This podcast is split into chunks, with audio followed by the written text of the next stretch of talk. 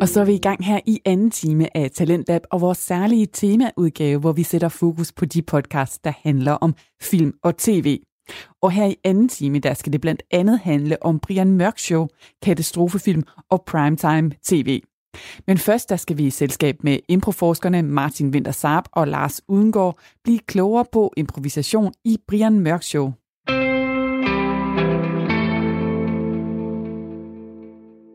Vi, øh, vi sidder her og øh, skulle egentlig have en snak med Brian Mørk omkring øh, Brian Mørk Show, og, og, og han jo også har brugt impro rigtig meget i, i, stand-up, i hans stand-up karriere. Øh, han er desværre ikke rigtig kommet.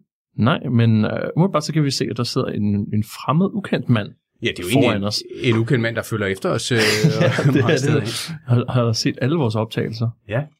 Og, øh, og så tænkte vi, så kan vi lige så godt udstyre ham med et par øh, hørebøffer og en mikrofon, og så, lige, så starter vi da bare lige snakken op, øh, Ja. hvis, hvis det er okay med dig. Øh. Ja, ja. Godt. Hvad, hvad, hvad, hvad hedder du egentlig? Jeg hedder Andreas uh, Tarzan Dortier. Andreas Tarzan. Ja. Okay, og det, det er jo islandsk. Uh, Andreas? Ja. Ja, ja, det er det muligvis. Jeg har ikke selv uh, undersøgt det. Okay, nå, men det, det tror jeg, det er. Andreas, jeg troede, det var græsk eller sådan noget. Mm, det tror jeg ikke, det er. Okay. Nej, altså, det, ja, det, det, er jo, det er jo spørgsmålet, ja. Ja. men, men øh, det er vel heller ikke sådan øh, så meget det, er derfor du er her øh, på grund af dit navn. Nej. Nej. Hvor- Hvorfor er det, du øh, følger, følger med rundt? Kan man sige, at jeg er en øh, fan? Jeg er jo fan af impro, øh, og det gælder øh, alt, øh, alt det impro, som jeg har set øh, og hørt. Øh, og det er meget, eller hvad? Og jeg er jo Så Det er ikke, rigtigt. ikke kun impro har- comedy. Åh, i, nej, alt hvad, alt hvad der kan improviseres, men nu er det jo mest til sådan nogen som jer, som laver så meget comedy, og sådan nogen som ligesom jer, der laver comedy, som laver impro-comedy. Det, kan jeg, det har jeg set meget af. Det har jeg set det, det hele af, tror jeg. det hele? Ja. Og, øh, og det Ja, vil sige, du har det været hele. Altså, i, altså i Danmark, eller hvordan? Eller er det Ja, ja, ja, ja. i Danmark. Eller Sjælland. på På Sjælland. Sjælland og på Fyn og i Jylland. Så i Danmark i Ja, virkeligheden. og på Bornholm også. Op på Bornholm. Ja, og der er meget øh, impro på Bornholm Nej. også. Nej. Der jeg ingenting. Okay. Nej, så er det jo meget nemt. Ja, det er helt Danmark. Alle de steder, hvor Ja, der hvor der ikke er- er, impro. Der er også de steder, hvor der er impro, ikke? Okay, ja. Ja. ja. Jamen, øh, og hvad er det, der er så fascinerende ved impro? øh? Åh, oh, det er det hele, synes jeg. Øh, jeg synes, det er spændende, at man kan finde på ting bare lige sådan. Ja. Uden at have... For, øh, jeg, jeg forbereder alting selv. Jeg, skal jo altid, jeg er meget kontrolfreak. Så alt, hvad jeg laver, har jeg jo skrevet ned i forvejen. Øhm, og for, ellers, jeg, Ja, for du sidder jo faktisk og læser op lige nu. Ja. For et stykke. alle jeres spørgsmål har jeg fået i forvejen jo. Og så har jeg jo skrevet svarene ned. Ellers ville det ikke kunne lade sig gøre. Så vil jeg simpelthen gå i stå. Jeg kan ikke, jeg panikker lidt. Jeg har også meget svært ved øh, eksamener og den slags, og, og dates, og gå ud og snakke med folk udenfor, Ja. hvor det ikke er forberedt. For hvis jeg skal ned og for eksempel købe nogle æg, eller noget gær, eller noget, noget rasp, så øh, jeg kan jo ikke vide, hvad kassedamen vil sige til mig. Øh, For eksempel, hvad, at, hvad, hvad det bliver. Kan hun jo jeg siger, hun det bliver 48. øh, så, så, øh, jeg kan jo ikke svare, jeg kan bare betale, så betaler jeg 48 kroner. Ikke? Okay, Ja. Men hvis hun siger, er det det hele, så, oh, oh, ja. så jeg, har jeg et problem, ikke? så, så tager du rundt for at se det, for ligesom at, og selv at lære noget af det? Eller? Ja, jamen jeg bruger Ja. det meste af min tid bruger jeg på at tage med rundt. Jeg er en form for, der er jo forskellige uh, impro-grupper i Danmark, og impro-jazzmusik og den slags. Alt hvad der laver impro, synes jeg, som jeg uh, bruger det meste af min tid på at køre rundt med, uh, for at se dem uh, optræde. I virkeligheden er det, fordi jeg gerne vil være bedre selv til at uh, improvisere. Og så du går ind i, altså, i gruppernes biler, eller hvis de skal på tur, eller eller andet. Nej, jeg cykler uh, som regel uh, bag dem. Jeg prøver at følge efter dem Okay. okay. på cyklen. Det er ikke altid, jeg når frem til lige showstart, men, øh, men øh, så får jeg, jeg får så meget med, som jeg kan nå øh, af showet, ikke? Hvis de skal optræde et eller andet sted på Samsø, for eksempel, og jeg ikke lige når færgen, så kan det ikke, det er ikke altid, når showet, faktisk. Men vil det være en idé at, at altså du ved jo, hvor de skal optræde, og hvornår vil det være en idé at være der før? Altså, Altså, hvad er hvor er han fra? det hvor de skal optræde. For nu siger du, når, hvad der, når der, hvor de optræder? Ja. Ja, det er da en meget god idé, men jeg Ja. kan ikke... Øh, Men hvad, så hvordan, skal jeg jo på en eller anden måde, f- øh, så skal jeg forberede, men jeg er god til at forberede mig jo. Ja. Jamen, det er da måske en meget god idé. Så kan man, øh, jo, det kan man godt gøre, det kan man måske godt gøre, men øh, det tror jeg, jeg vil gøre fra nu af så. Okay. Så får jeg det hele med. men hvad er, altså, du, du bruger også nogle penge det, øh, på at komme, komme rundt og sådan noget. Alle sammen. Alle dine penge. Ja. Ja. Og hvor kommer de, hvor kommer de penge fra? Hvad er Jamen, det, der du er ikke meget tilbage af arven. Der er, ikke, øh, der er næsten ikke flere penge tilbage. Du har arvet, Øh? Ja, ja, ja. Jeg arvede. Jeg var så heldig, at da jeg var 22 år gammel, der døde øh, hele min familie. Så heldig var du. Det var øh, heldig. Det var det.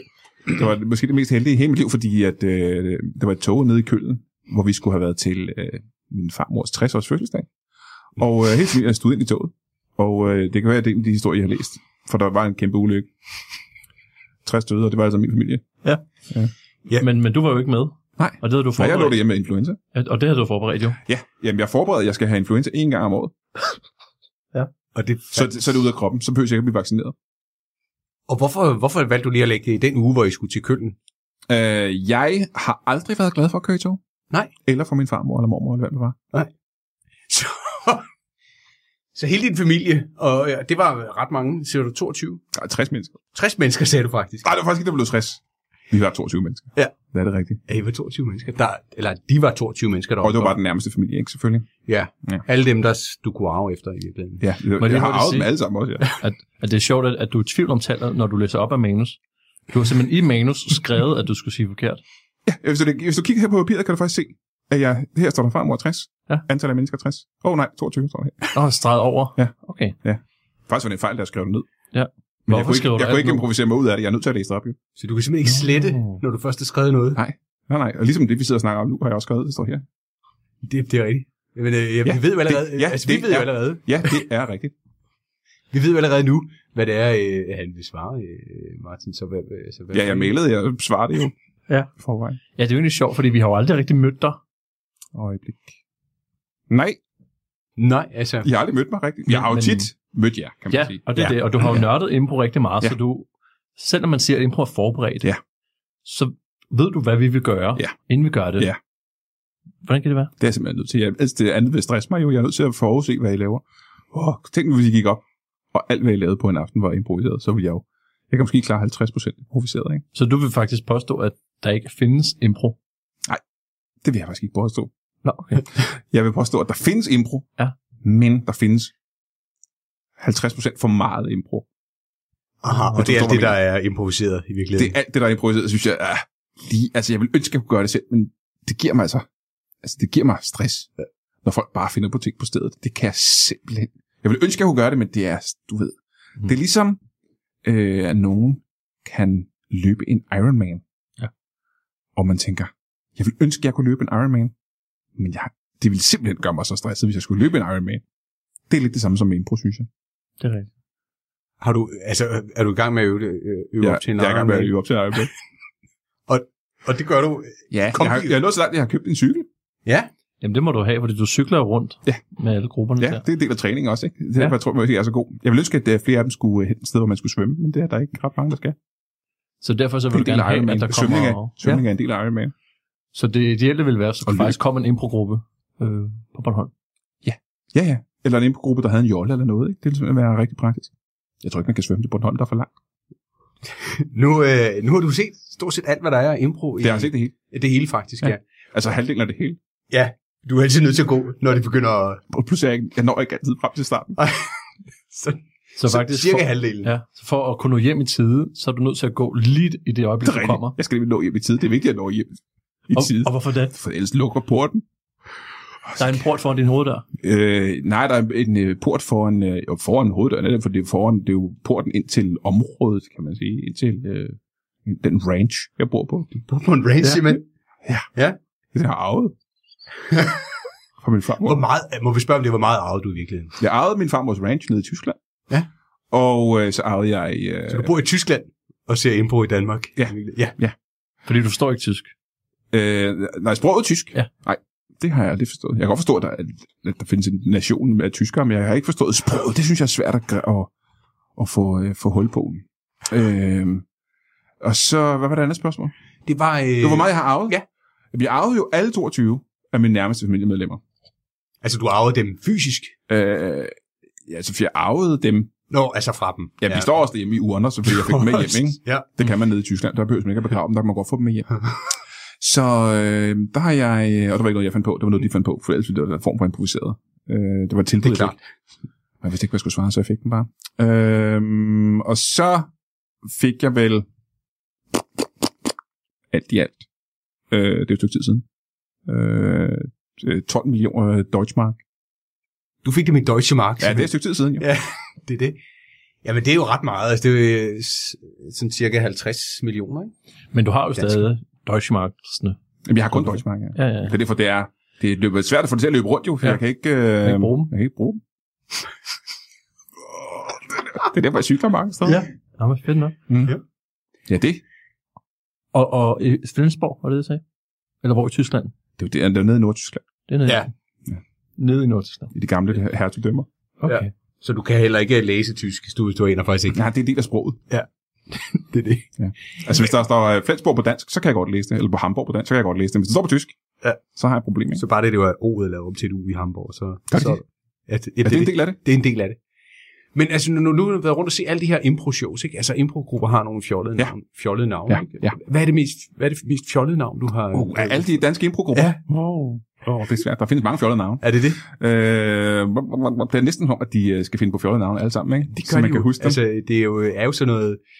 Ja, to mand frem for en sænke ja. og sådan noget, ikke? Øh, knyttenæverne er sjove, synes jeg. Ja, Ja, det er meget sjovt. Øh, især fordi det, det er jo et ordspil på, at de har øh, knyttet noget ligesom strikket til håndarbejde. Ah. Så lige knyttet på næver. Det synes jeg er Ja, sjovt. det er det. Øhm, og så øhm, jeg skal ikke... Øh, øh, bø- bøllefrøen er sjov, synes Ja. jeg. Ja. Ja. De er ikke særlig gode til at lave impro, Nej. synes jeg. De Nej, er også, øh, Fordi hvad er, det, hvad er det, de gør? Jamen, bøllefrøene for det første er de jo, øh, jeg tror, de er multihandicappede for det første. Ja. ja. Så det er svært at vide, hvad de laver, når de sidder i deres stole. Ikke? De har jo Og de sidder simpelthen i stole. Jamen, det er virkelig deres hjælpere, der improviserer jo. Øh, fordi de kan jo ingenting selv. Og øh, så må det være det skægste navn, det skægste navn. Det må være, det må være. Uh, kender I dem? De er fra øh, Anhold, tror jeg. Det er en lille lokal gruppe, Mhm. som hedder, hvad er det, de hedder? Hvad er det, de hedder? Hvad er det, de hedder? Du kan bare læse på papiret. Jamen, der står, hvad det, de hedder fire gange, kan du se. Hvad det, de hedder? Ja. Øhm, øh, Klabautermændene. Det er rigtigt, ja. Ja, Ja. Klabautermændene. Ja. De har kender dem? De er skæg, synes jeg. De, ja, de, skal, jamen, øh, de spiller kun på anhold, jo. Ja, ja spiller og spiller. De bor på Anhold. De Hvad? bor på anhold. Ja, og de optræder kun på Anhold. Ja. Så de spiller også på Anhold. Jo, jo, det er rigtigt. Kun Og det må du set, hvor mange gange? én gang. Har de. En gang, ja. Ja, de har kun spillet én gang. Nå, okay. Jamen Der er ikke altså, så mange publikum på Anhold. Nej. Nej. Nej, det er rigtigt. Nej. Det er ikke Odense eller København, jo.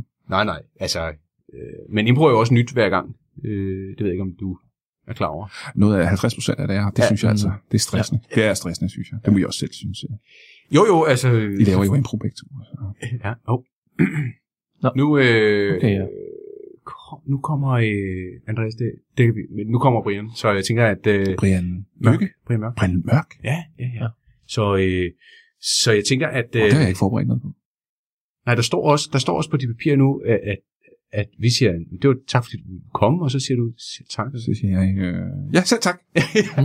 Godt. Jamen øh, fedt, Andreas, og du kan jo bare blive siddende øh, ved siden af, eller rykke hen i hjørnet, eller et eller andet. Ja, det, ja. det, går, det vil jeg ikke. Øhm, Okay. Som vi skrev til dig, at du Ja. skulle, Og så kan jeg godt. hvis, ja. men mindre du skal cykle hjem, Nej. selvfølgelig. Men øhm, tak fordi du vil komme, Andreas. Ja. Det var spændende, spændende med en improfan. Ja, det var det helt sikkert. Ja. Og øh, mens øh, Brian er lige får øh, øh, høre, hvad vi finder på her, så, øh, så kan vi jo øh, sige, vi, vi, nu vil vi jo snakke lidt med Brian Ja. omkring øh, Brian Mørk Show. Og nu tror jeg, han er klar. Hej Brian. Goddags. Hej Brian. Hej med jer to. Hej. Tak fordi du Undskyld, kunne komme. undskyld, jeg kommer for sent. Det er fint, ja. vi øh, fik tiden til at gå. Ja. Jeg kunne simpelthen ikke finde en parkeringsplads. Nej, det, øh, det kan godt være lidt til et øh, problem, også fordi det er sådan et hemmeligt sted, øh, vi har fået lov at optage. det. Østerbro er et af de hemmeligste steder. Ja, det er det. Ikke længere, men... Den, hvor jeg i en Berlingo, den er sådan ret stor, så det er sådan svært at få den klemt ind øh, ja, steder, ikke? jo. Ja. Men Østerbro er vel også der, hvor man i virkeligheden holder i to rækker, øh, har jeg set. Det er sådan et af de eneste steder i Det København. er simpelthen så irriterende, at folk det- gør det, ikke? Ja, Det gør jeg aldrig. Nej. Det kunne jeg simpelthen ikke drømme om. I hvert fald ikke i den eneste. Ej, det er også så svært at parkere. Hvis der er to rækker, så er det svært at komme det, kan man sige. Øh, men øh, i hvert fald, nu er jeg. Tak. Undskyld, jeg kommer sent. Jamen, det er så fint, og vi har jo øh, inviteret dig ind i dit eget studie i dag. Ja, hvilket må jeg sige. Det var sgu meget sødt af Det var jer. fedt. Ja. Det er jeg glad for. Tak fordi, at øh, du kunne komme. vi skal jo snakke om, øh, vi er jo improforskerne, og vi skal snakke lidt om impro, og det du laver, fordi du er jo kendt for Brian Mørk Show, så er du kendt for Brian Mørk Show podcast, og en masse andet, der har med impro at gøre. Lad os prøve at starte med, hvornår opdagede du impro første gang, og hvorfor blev du fascineret af det? Øhm, jamen, det, er sådan, øh, det er en historie i to kapitler næsten. Fordi at øh, jeg øh, for mange, 15 år siden, 13, 14, 15 år siden, opdagede jeg et... Øh, der havde, havde jeg aldrig set noget til impro. Jeg kendte intet til impro. Og øh, så hørte jeg et interview, en engelsk komiker lavede med en en ung engelsk komiker lavet med en gammel kendt engelsk komiker. Og han var, øh, de spillede begge to karakterer. Han spillede en øh, ung, virkelig irriterende journalist, der prøvede på at få skovlen under en gammel, gammel, dekadent skuespiller. Og øh, de spillede øh, begge to roller, og det var improviseret. Og det var ligesom, om jeg hørte magi for første gang. Fordi ham, den gamle kendte skuespiller, som blev spillet af en gammel kendt skuespiller, der døde ganske få år efter, Mm. han var så vild til at være i den her karakter, og bare gribe alle spørgsmålene. Og jeg havde aldrig hørt noget lignende. Fordi den unge komiker, der spillede journalisten, han improviserede sine spørgsmål, men det var bare spørgsmål. Det var nemmere. Det han, den gamle komiker, gjorde, var, det var out of this world, simpelthen. Mm. Og øh, da jeg hørte det, der fandt jeg på Brian Mørk Show tv-programmet, øh, samme dag, mere eller mindre. Okay. Og samme dag ringede jeg til Palle Strøm, der var chef på TV2, Zulu, og sagde, øh, jeg vil gerne lave det her program. Og så skrev han tilbage samme dag. Jeg kendte ham ikke, Mm. og jeg havde aldrig lavet tv før. Og så skrev han tilbage samme dag og sagde, vi laver en dummy. Og så lavede vi Brian Mørk Show. Ja. Ja. Og det var første gang, jeg så, så lavede, og det var improviseret, det var jo næsten, næsten et rip-off. Jeg var journalist, der stillede kendte mennesker løgne spørgsmål om deres rigtige liv. Og så skulle de improvisere. Ikke? Jeg improviserede også tit spørgsmål, men de skulle improvisere. Øhm, og Men Der- de, de skulle improvisere som sig selv, jo. Ja, så havde Mikke Øgendal inde, og så sagde jeg, Mikke Øgendal, jeg har hørt, øh, at du øh, avler børneord. Hvorfor i alverden gør du det, Mikke Øgendal? Ikke? Mm. Mm. Og så skulle han så spille med. Mm. Og det var, øh, det var smadret skægt. Det var det sjoveste job, jeg havde haft indtil videre da, hvor vi lavede tre sæsoner af det program. Og så gik der flere år, hvor jeg lavede andre øh, tv-programmer, og faktisk ikke lavede impro længere. Og det gik øh, vel 5-6 år, hvor jeg bare lavede almindelig comedy, skrevet ned, og stand-up. Øhm, og så faldt jeg over podcasts. Det var da podcasten, der begyndte at komme til Danmark. Ja. Øh, altså rigtigt, da bølgen af podcasts begyndte at komme. Og der faldt jeg over et par comedy podcasts fra, fra USA, lavet af, på det tidspunkt vidste jeg ikke, at det var øh, grundlæggerne af meget af det impro, der var i USA. Jeg kendte dem bare som værende. For mig var det ukendte navne. Men de havde impro podcasts, hvor de spillede, øh, det som jeg senere hen fandt ud af, var longform impro, de spillede. Det vidste jeg ikke på det tidspunkt. Jeg anede intet om øh, noget om impro. Hmm. Og der var jeg lidt tilbage til, øh, hvor jeg havde været øh, nogle år før, det var hvor jeg bare var imponeret. Altså jeg var simpelthen, jeg var solgt. Og så opsøgte jeg flere og flere af de her impro-podcasts, og lærte mere og mere om de her mennesker, der lavede de her impro-podcasts. Så fandt jeg ud af, at de kommer fra de her amerikanske comedy-skoler øh, derovre. Og så fik jeg bare... Altså jeg synes jo, det var sjovt. Før i tiden havde jeg hørt meget stand-up fra stand-up-komikere. Og nu begyndte jeg bare kun at høre impro-spillere. Fordi jeg synes bare, det var vildere, det var skækkere for mig, end øh, stand-up kunne være. Og, øh, og det gik fra de der to impro-podcasts, til at jeg nu lytter til du ved, 20 timers impro-podcasts om ugen jo. Øh, fordi det, det, er mere eller mindre overtaget alt det, jeg laver inden for comedy. Ja. impro. Øh, så meget, at øh, Lasse Remmer og jeg tog på sådan en, øh, det var første gang, jeg selv gjorde det, vi tog på en, øh, en tur rundt i hele Danmark, hvor vi ikke forberedte os, hvor vi bare gik på scenen hver aften og sagde, har I nogle spørgsmål? Ja. Og så lavede vi, prøvede vi at lave stand-up på det, de spurgte os om. Og det var meget sjovt, men det var stadig ikke stand-up. Mm. Jeg kunne godt lide det der med, at man spillede scener Mm. og øh, sådan ting. Og det er desværre ikke noget, jeg selv har fået gjort. Jeg er ikke dygtig nok til selv at spille impro. Øh, men jeg er imponeret af dem, der gør det.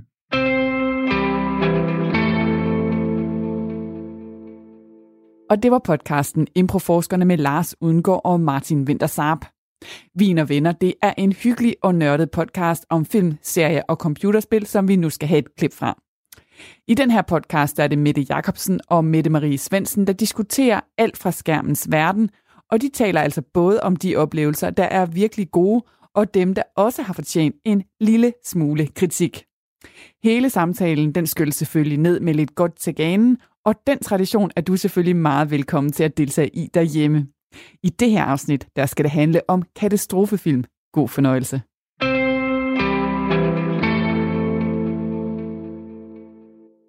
Mette, skal vi snakke lidt om katastrofefilm i dag? Ja, men hvorfor i alverden skal vi, hvor kommer det emne dog fra, Mary?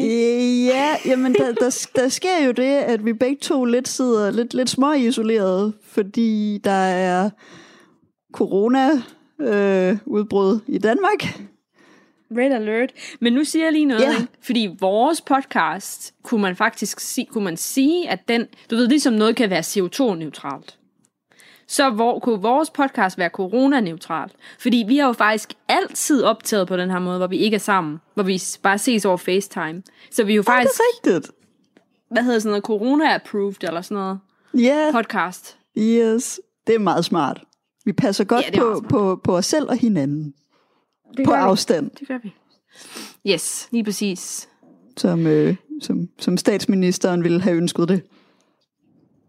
It is beautiful. Lige præcis. Mette Yes. yes. og, og så ham der Søren, han, han, de ville være stolte af os. Det er rigtigt. Det er rigtig fint. Ja. Og det er jo lidt, det er lidt noget mærkeligt noget, men så, altså, vi, vi, vi snakkede lige kortvarigt om, at er det upassende at snakke om katastrofefilm i forbindelse med coronavirus. Mm. Og så kan man jo så sige, jamen, altså det der med, at vi er, er, er nødt til at tilbringe så meget tid indendørs, gør altså, at det er utrolig fristende at se en masse film. Det er rigtigt. Det er det første del af det, ja. Så, øh, så, så det, det synes jeg næsten er oplagt, at, at vi skal snakke om nogle film, som vi plejer. Lige præcis. Selvfølgelig. Lige præcis. Og, og ja, det der med, altså man skal jo ikke, man skal jo ikke sidde og, og fornøje sig over, at, at der er... Hov. du, du væltede lige. altså, som i min telefon væltede. To sekunder. Øh, hvad hedder det? Man skal, vi skal jo ikke sidde og fornøje os over, at, at der er krise i verden, og folk jo faktisk dør af det her, og der er en rigtig dårlig situation nede i Italien, og også har været det i Kina, og mm. alle mulige andre steder. Det er slet ikke det, det handler om. Jeg, jeg er jo bare nødt til at indrømme, at når sådan noget her sker, så bliver min fantasi sat i gang. Mm-hmm. Og, øh, og jeg kommer til at tænke på alle mulige øh, andre scenarier. Og også nu her for første gang, så kan man jo forestille sig lidt lille smule, hvordan det vil være at være i Danmark, hvis noget endnu værre skete. Vi skal passe på dem, der er udsat, øh, og ved at holde os væk fra hinanden og sørge for, at der er færrest muligt, der, der bliver smittet, sådan så at det bliver på et niveau, hvor vores øh, sundhedsvæsen øh, kan håndtere det, uden at de går over kapacitet.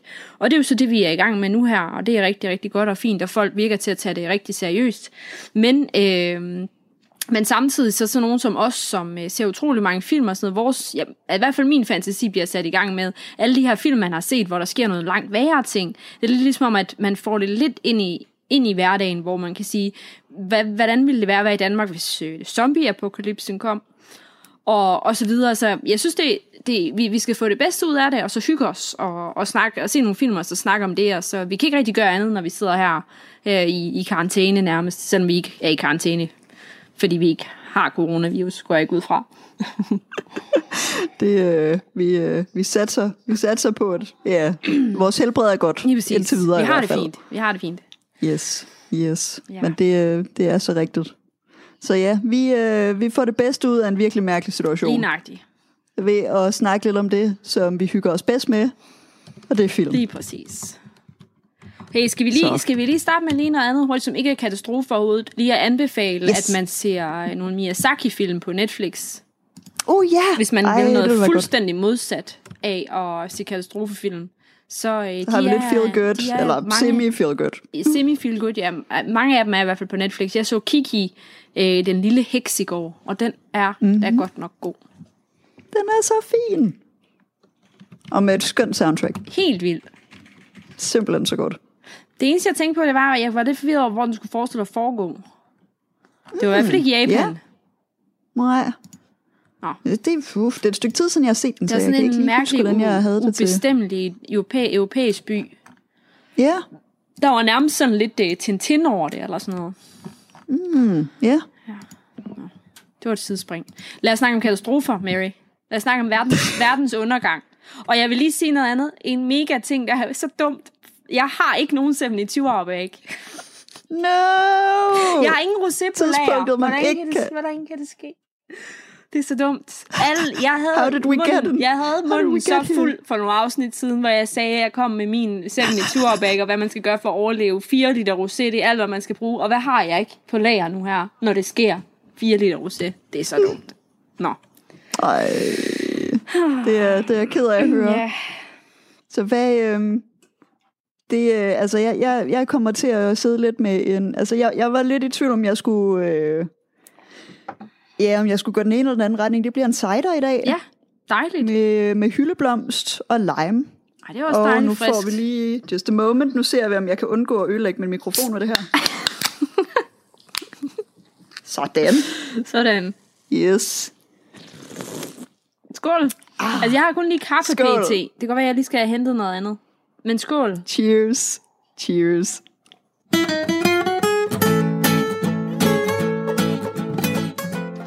Så har jeg hentet en tuborg. Jeg skal lige se, Sådan. om jeg kan gøre det samme som dig. Ej, det er svært. Her i luften. Nej, jeg tør ikke gøre det hen over mit tastatur. Nej, jeg tør ikke.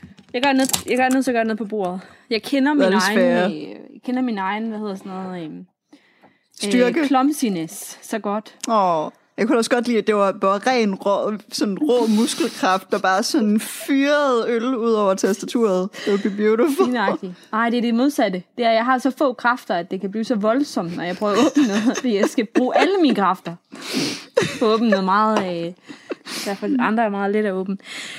Nå, Mary, katastrofer. Mm. Har du noget? Yes. Hvad har du på tapetet?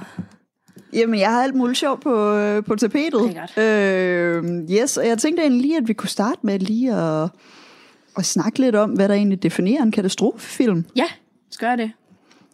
Yes, altså katastrofefilm er det, man på engelsk vil kalde disaster films eller disaster movies. Ja. Øhm, og typisk for katastrofe, altså en, en, en ting, som katastrofefilm arbejder med, deres primære plot device, det er en katastrofe eller en ulykke, mm-hmm. enten en, der finder sted, eller en, som skal afvæves. Ja. Og der er forskellige måder, som man kan arbejde med den her genre på, så nu giver jeg nogle bud på, hvordan man kan inddele det. Mm-hmm. Altså, man kan sige, at det kan tage udgangspunkt i en naturkatastrofe. Ja. Det kan være en oversvømmelse, det kan være jordskælv, det kan være en asteroidekollision. Det kan også være ulykker, såsom et skibbrud eller et, et fly, der styrter ned. Mm-hmm.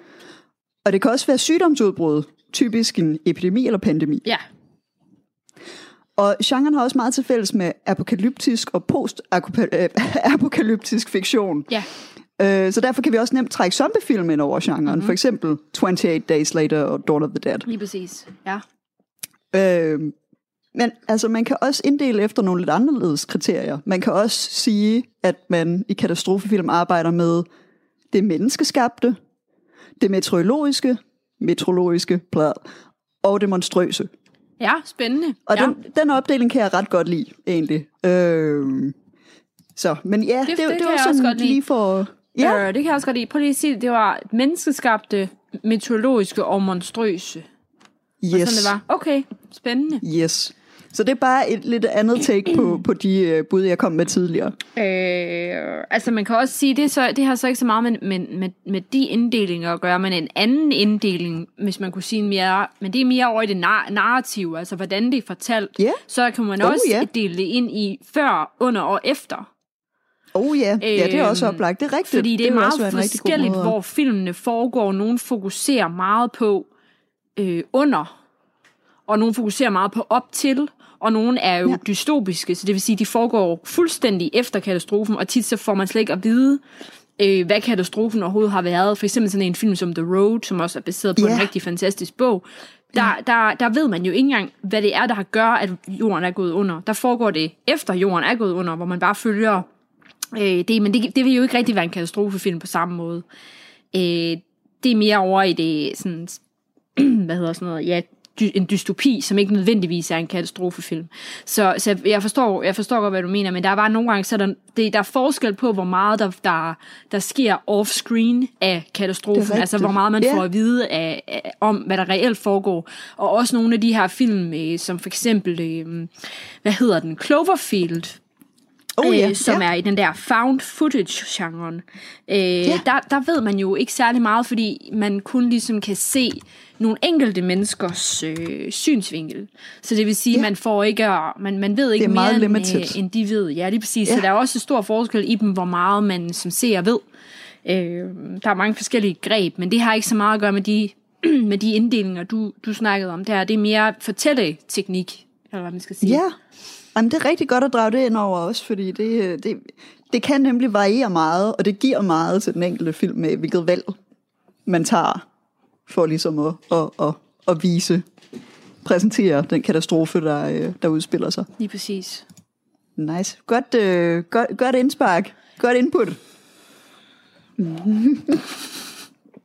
yes. Så altså, øh, katastrofefilm er en genre, som virkelig brød igennem i 70'erne særligt. Mm-hmm.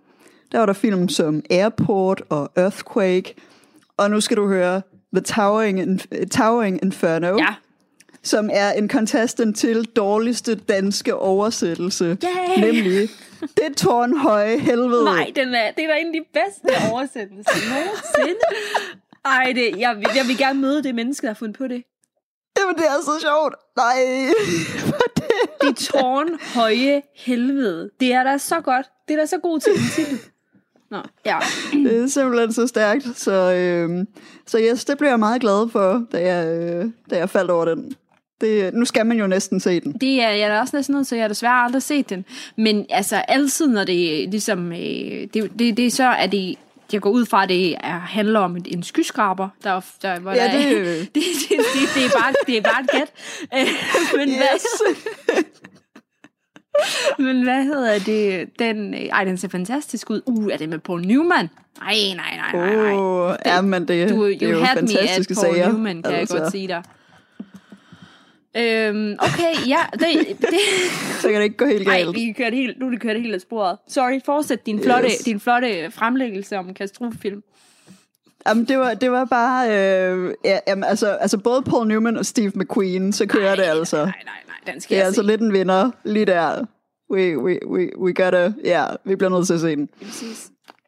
Yes. Men altså, hele, altså i 70'erne, så var det en ret udbredt ting med, at det var katastrofefilm, der var ligesom the thing. Mm-hmm. Øh, og så i 1980, så kom komedien Airplane. Yeah. Yippie, som lavede sjov med det forrige årti stor, kær, øh, stor kærlighed til katastrofefilm. Det giver genren. Yes. Så, øh, så det var ligesom opstarten, og så da der så for alvor begyndte at ske noget på CGI-fronten, så fik genren en revival. Ja. Og det er nemlig i løbet af 90'erne. Mhm. Mm-hmm. Og der ser vi rigtig mange øh, katastrofefilm. Twister, øh, Independence Day, Deep Impact, Titanic, Armageddon. Jeg har, jeg har alt for mange Jamen, film på den kunne- altså liste over 90'ernes. Øh, jamen, der var, der var lidt en, en feeling of panic til synladende, og det kom til ud, udtryk i øh, katastrofefilm en masse. Det, øh, det, det var en gigantisk genre i 90'erne. Det er helt vildt. Det er så vildt. Der er, der er, ja, der er lidt forskelligt. Der er også en, øh, en personlig favorit, Outbreak fra 95. Den tror jeg ikke, jeg har Øh, set. Det, øh, den, snakker, den fortæller jeg lidt om lidt senere. Spændende, glæder mig til at høre om. Uh. Men ja, 90'erne var tyk, altså et, et tykt årti af katastrofefilm. Mm-hmm.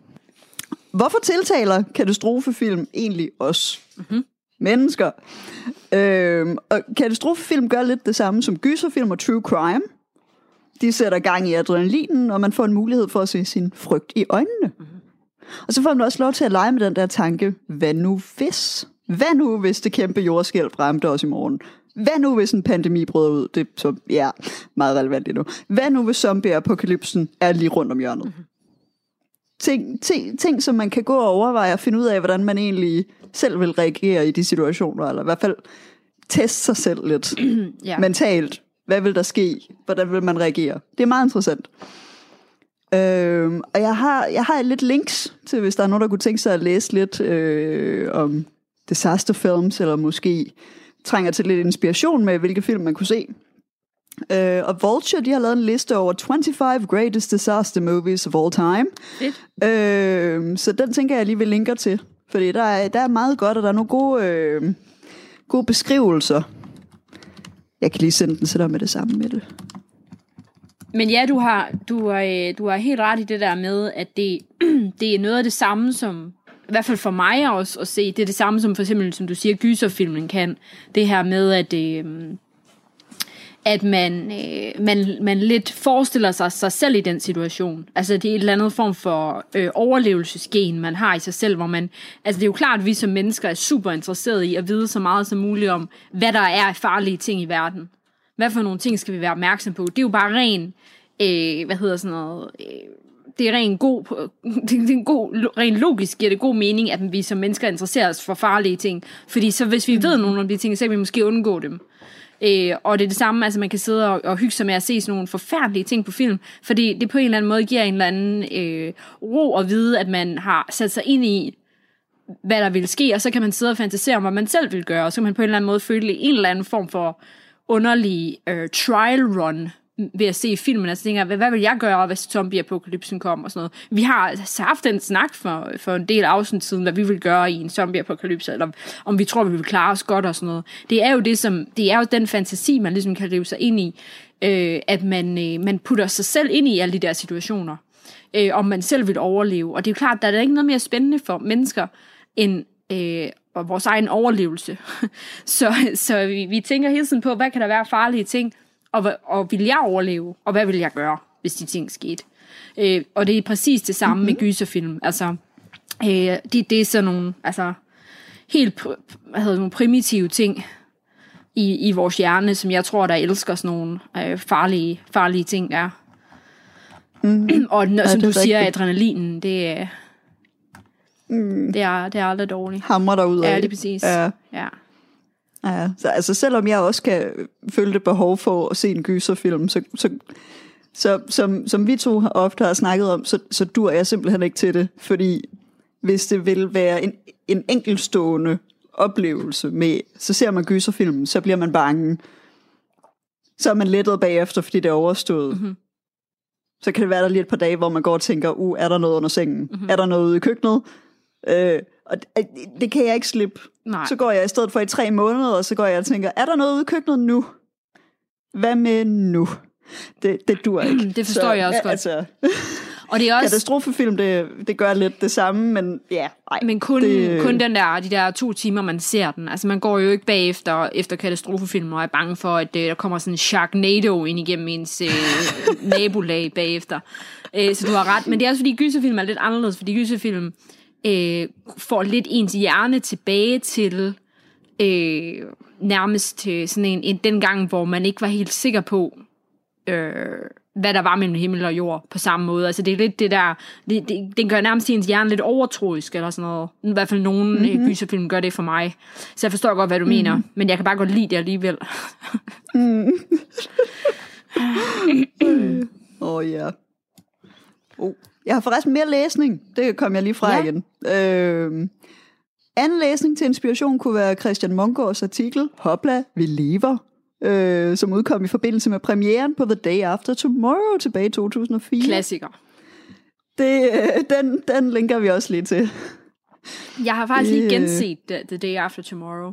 Af en, Nej, af en hvordan har du det med den?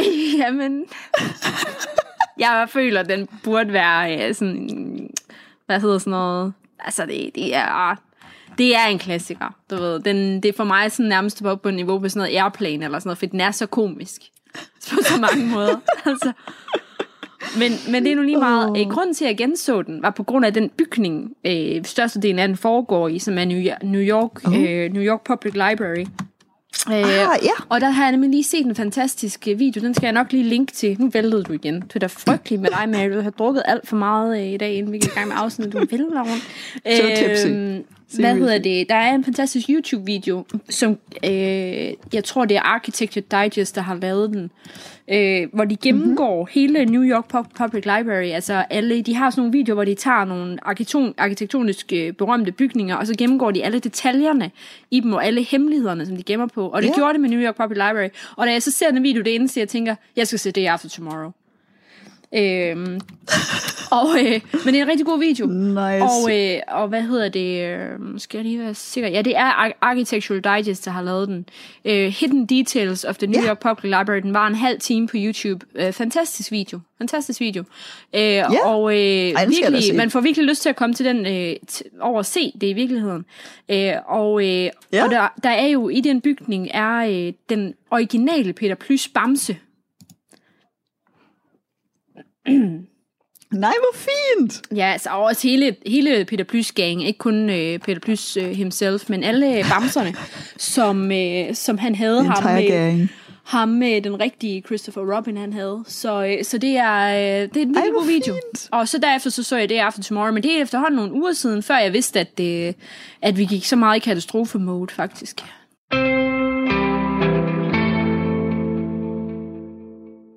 Det var podcasten Vin og Venner. Og nu skal vi så til hashtagget med Alberte Bendix og Astrid Brodal. Hashtagget det er et program, der som navnet også antyder, dykker ned i et nyt hashtag hver eneste gang, og det hashtag det bliver udforsket og diskuteret. Og i dag der skal det så handle om primetime tv.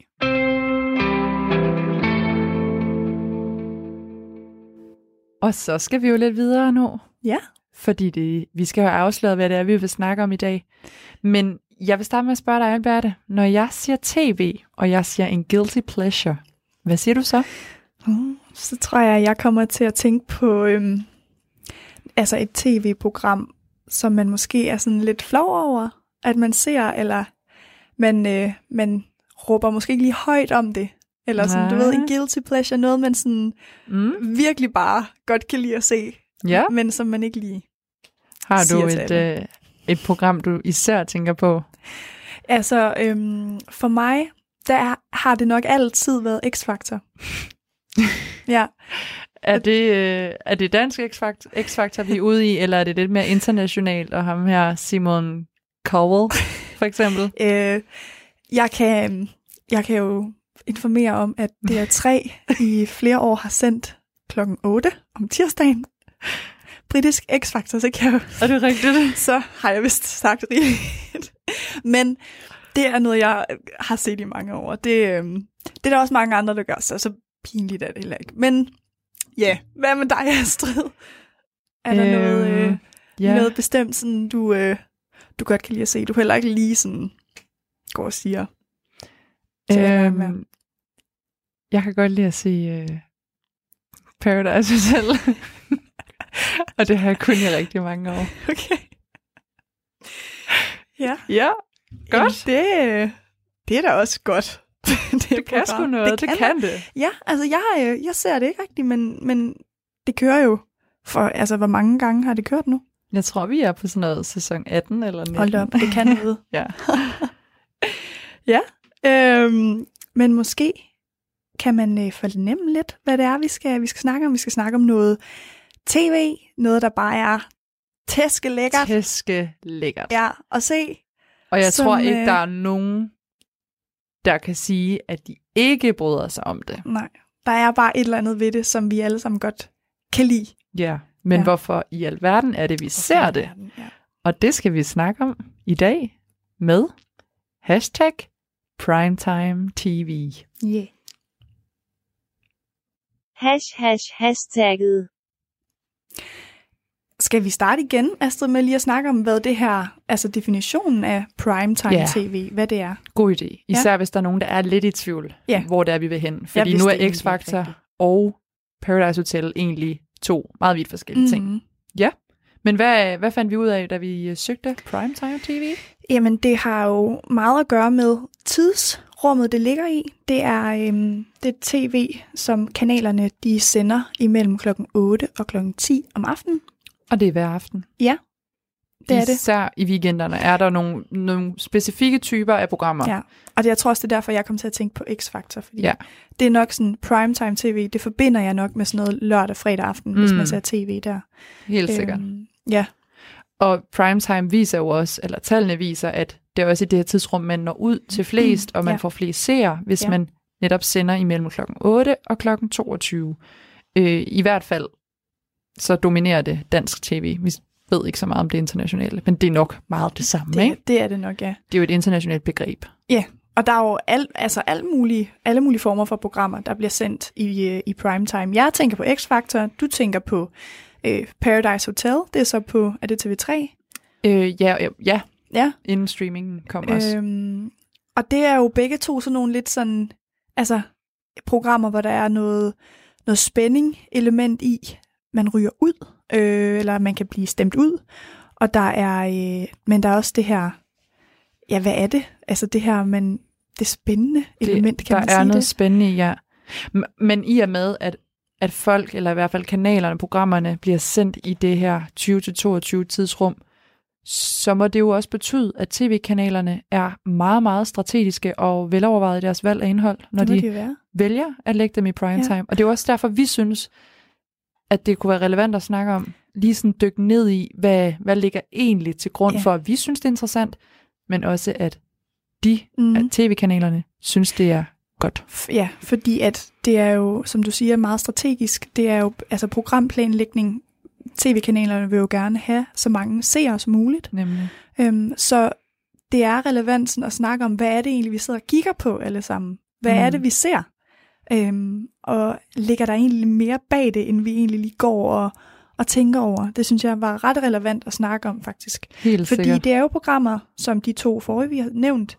Og så, øhm, så kommer man jo også til at tænke på programmer som Talent, øh, Vild med Dans, Mm.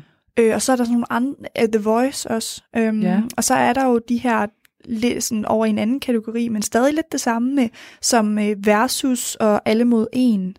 Øh, rundt på gulvet, hvor det er sådan lidt... Nogle komikere. Ja, komikere, Ja. ja. Klipfiskerne Øhm, og sådan noget. Ja, og altså det er jo alle, altså det er jo programmer, der ikke har det sådan helt Mm. dybe indhold, kan man sige. Ikke? Absolut ikke. Øh, det er jo underholdning. Og På højt plan. ja, og man kan sige, at det, er jo, det vil jo egentlig også, eller det er smart nok af kanalerne at lægge sådan den her type programmer i primetime, fordi det er jo der, man gerne vil holde på seerne, fordi ellers så smutter de altså over på hinanden, ikke? Jo, det er kampen om de gyldne seere. Mm. Øhm, og, og der, hvor jeg jo egentlig tænker primetime, men som alligevel afviger, øh, eller Paradise, men som afviger fra primetime, det er jo, fordi på, på, en, på sin vis er der jo mange elementer i den her form for reality, der går igen ved primetime tv. Men lige med Paradise Hotel, der er der jo også det sådan lidt mere lukket miljø, hvis man kan sige Mm. på den måde. For der er den her nøgenhed, der er sex, der er masse druk og alkohol, og det er også derfor, Paradise er jo som sådan ikke et primetime tv-program. Nej. Fordi det bliver sendt, da det blev sendt i fjernsynet. Den nyeste sæson blev egentlig kun sendt ud på Ja. ja. streamingtjenester. Ja, okay. men det er en ny ting. Øhm, men det blev sendt kl. 22 hver aften. Ja. Ja. Og hvis det så blev genudsendt dagen efter kl. 16, mener det var. Ja. Ups, jeg ved så meget. der havde de faktisk sløret bryster og sløret numsen Nå. og sat emojis ind. Nej, ikke, det gør de egentlig på øh, streamingtjenester. Der sætter Okay. de emojis ind foran Okay. okay. de nedre dele.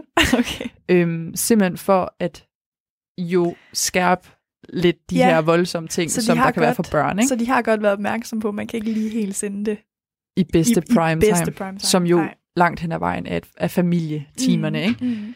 Mm. Men derfor har vi jo egentlig også valgt at bruge reality som jo et underholdningsprogram i det her afsnit om primetime tv, fordi det kan sgu også noget tæskelækkert. Ja, og det, jeg, altså, jeg forbinder det sådan en lille smule, netop det her med, det, det gør et eller andet lækkert, og indholdet er egentlig, det er bare ja, underholdning. det er det. Eller er det, og det er også det, vi skal snakke om. Ja. Ja. Dog er der jo så, skal jeg sige, at grunden til, at vi også har reality med, det er jo det her med, at udover Paradise bliver sendt sent, så har vi stadig det her øh, Dagens Mand, eller For Lækker til Love, eller De Mhm. Unge Mødre, eller Diva i junglen. Og altså, hvad hedder det der Date mig nøgen? Date mig nøgen, altså det bliver jo egentlig også sendt, jeg tror det er mellem kl. 20 og 21, mange Ja. af de her programmer bliver sendt. Så de ligger under primetime tv, Ja. og derfor synes vi, at det er væsentligt at snakke med Hvad om. er det for noget, vi ser på Ja. sammen? Ja. Så øh, det er sted, jeg egentlig også synes, der er meget oplagt, hvis man skal forklare, eller hvis man skal øhm, ligesom begrunde, hvad det er, der gør, at man ser de her ting. Hvis jeg tager udgangspunkt i X-Factor, ikke? Mm. så er det meget det rare og det underholdende aspekt af det, af det her program. Ja, Øhm, det er meget, altså det er jo meget subjektive historier, vi får, og helt sikkert. øhm, det er øh, altså personligheder, vi kommer tæt på. Øh, vi kommer til at kende flere forskellige. Vi lærer dem at vi kende, lærer ja. dem at kende. Og så kunne de også lige pludselig synge og være dygtige til det. Og sådan. Altså, der Eller er bare... skille sig ud på en helt anden ja, måde. Ja, Noget, der Øhm, gør dem unikke. Ja, nemlig, og det er bare vildt underholdende. Ja. Og, øh, og øh, rart at sidde og se. Jeg ved ikke, det er meget afslappende. Sådan, øh, Hvor mange sæsoner har du egentlig set af, af X-Factor? Nu var det jo bare det, du nævnte. øh, jeg har set fra, altså jeg startede jo med at se første sæson. Var- Martin. Ja, Martin. Øhm, det er jo mange år siden, og så så jeg faktisk 10 sæsoner, tror jeg. Næsten, nærmest alle afsnit. Jeg tror, jeg har set 10 sæsoner. Men jeg har ikke set det de sidste par år. Nej. Øhm, og jeg ved ikke, om Efter det er fordi... du flyttede hjemmefra. Ja, efter jeg flyttede hjemmefra, men det er ikke fordi, man lige... Jeg sidder ikke hjemme fredag aften for at se X-Factor. Øhm, men det, gør, det gjorde man jo, da man var yngre, og det gør Ja. børnefamilier meget. Men jeg har også, jeg ved ikke, fået, måske fået et lidt andet syn på den her type programmer. Måske efter vi er begyndt at læse det, vi gør. Øhm, men det er ikke noget, jeg ser så meget mere. Nej. Fordi der tænker jeg så, når du siger, du har set 10 sæsoner, det er alligevel en hel del. Ja. Hvordan kan det være, at du vælger at se det samme koncept, det samme program, år efter år? Er der, sådan, Ja. er der noget, der har ændret sig, eller er der nogle ting, du bare er betaget af ved det? Øhm, det, det er altså meget relevant, det der med, at det er, det, det er jo i princippet bare det samme, om og om Mm. igen, det samme med Paradise. Øh, alle de her programmer, Lige vi ser, præcis. det er det samme koncept. Det er bare nye folk, der er med. Mm. Øhm, så ja, hvorfor sidder man og ser det? Jeg tror, det er det her med, at man bliver revet med øh, med alle de her individer og fortællinger, og sådan, mm. det er Mm. meget personlige historier, der er med, og, og så er nogle af dem jo også sådan gode til at synge, ikke? De er dygtige. Øhm, så, så hvorfor gør man det? Jeg tror, det er en blanding af, at det er sådan en hyggelig ting, når man det er rart. Ja, det er rart. Det er faktisk, jeg har set to afsnit mm. af Mhm. den her sæson, X-Factor. Ja. Men det har været, når jeg var hjemme Ja. med min familie. Fordi Så så vil de I gerne det se sammen. det. Ja, så vil de gerne se det, og så ser jeg det også. Mm. Øhm, så hvad det er, der gør, at man vender tilbage, det tror jeg er det her øhm, det underholdende aspekt. Ja. Det er meget de her, øh, in, in, de her individer, vi kommer tæt på. Det er øh, konkurrence, det er underholdning, det er bare alt i en. ja. Det er mega lækkert. Og det er faktisk sjovt, de der ord, du siger, nogle de begreber, du bruger til at beskrive det, fordi jeg satte mig ned og tænkte over, at okay, du har set 10 sæsoner, du har i hvert fald set meget X-Factor, du fortalte mig, nu siger du så, at det er 10 sæsoner, det bekræfter mig i det meget. Mm. Jeg har set Paradise hvert år, siden jeg gik i 4. eller 5. klasse. Det vil altså sige, hvert år, siden jeg var 11 eller 12 år Ja. gammel, har jeg set på ældre dengang mennesker, der drikker sig stive og har sex. Øhm, men jeg må jo have blevet ved med at vende tilbage til det, fordi at det kan noget særligt for mig.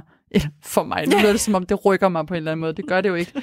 Men jeg tror, at en af de grunde til, at jeg rigtig godt kan lide det, og faktisk en af de grunde til, at jeg også har set de svenske og norske udgaver, ikke hvert år, men Okay. en gang imellem. øhm, fordi de svenske og norske udgaver af Paradise Hotel, de er så gode, fordi Er de, de? pynter endnu mere op på hotellet, og de gør endnu mere ud af de her temaer, de jo har hver uge. Har de Så temaer? ja, Paradise Hotel kører med nogle temaer hvert uge. En eller anden form for tema, Så- som jo også som danner grundlag for spillet. Jamen, jeg tror, det som danskerne har prøvet den her uge, igen, danskerne er ikke nær så Mm. gode som nordmændene og svenskerne. Men øh, danskerne har i den her uge kørt i sådan noget lidt øh, girl power øh, tema, hvor at i starten troede de bare, at der var, en, der var en girl power fest for pigerne, og så var der sådan en man power for mændene, eller fyrene. Og øh, det, som den her uge vik- udvikler sig, så er det egentlig pigerne, der er sikret, fordi det var mændene, der var ud, eller fyrene, der var udsat. Mm, nå. Øhm, så pigerne skal tage nogle beslutninger om, hvilken fyr de vil udelukke Og til en parceremoni, og noget, eller? det er lidt girl power, ikke? Men Okay. der har også været noget LGBT-uge. Nå. Den kan man også lidt diskutere, hvorvidt de brugt et meget, meget smukt koncept til underholdning. Det er en Ja. anden snak. Ja. Øhm, der har været... Jamen, ja, jeg, jeg kan huske, en af de norske udgaver faktisk på et tidspunkt havde Alice i Eventyrland uge. Og Nå. det var så gennemført. Men det er netop også det, som, da du sagde dine begreber før, hvad det er, du synes er så godt ved de her programmer, eller øh, det er det her underholdning.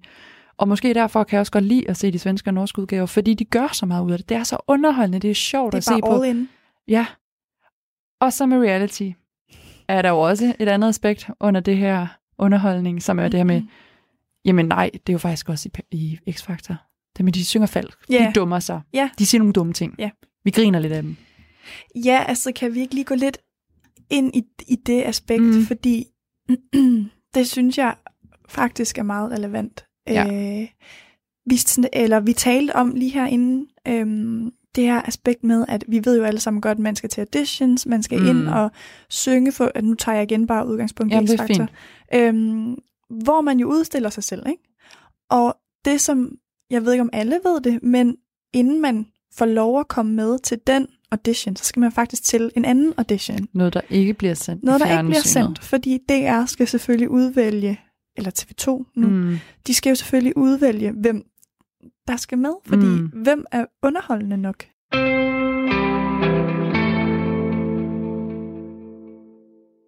Og det var alt, hvad jeg havde i vores Talentlab Special i denne omgang, som i dag satte fokus på de podcasts, der har beskæftiget sig rigtig meget med film og tv.